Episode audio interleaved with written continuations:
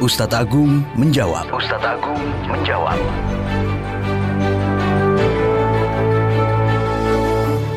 Mitra Muslim, di dalam Al-Quran dijelaskan bahwa ada keringanan bagi orang yang merasa berat untuk tidak berpuasa di bulan Ramadan.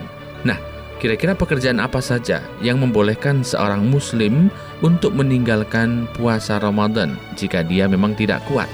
Lalu, apakah masih ada kewajiban menggantinya di lain waktu?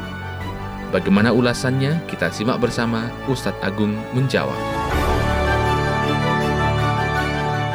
Mitra muslim bagi seseorang yang mempunyai halangan syar'i untuk berpuasa karena nggak mampu karena beratnya pekerjaan misalnya, maka diperbolehkan baginya untuk tidak berpuasa. Dasarnya firman Allah surat Al-Baqarah 184 wa alal yutikunahu fidyatun ta'amu miskin bagi mereka yang berat puasa dan milih nggak puasa maka dia cukup bayar fidyah saja.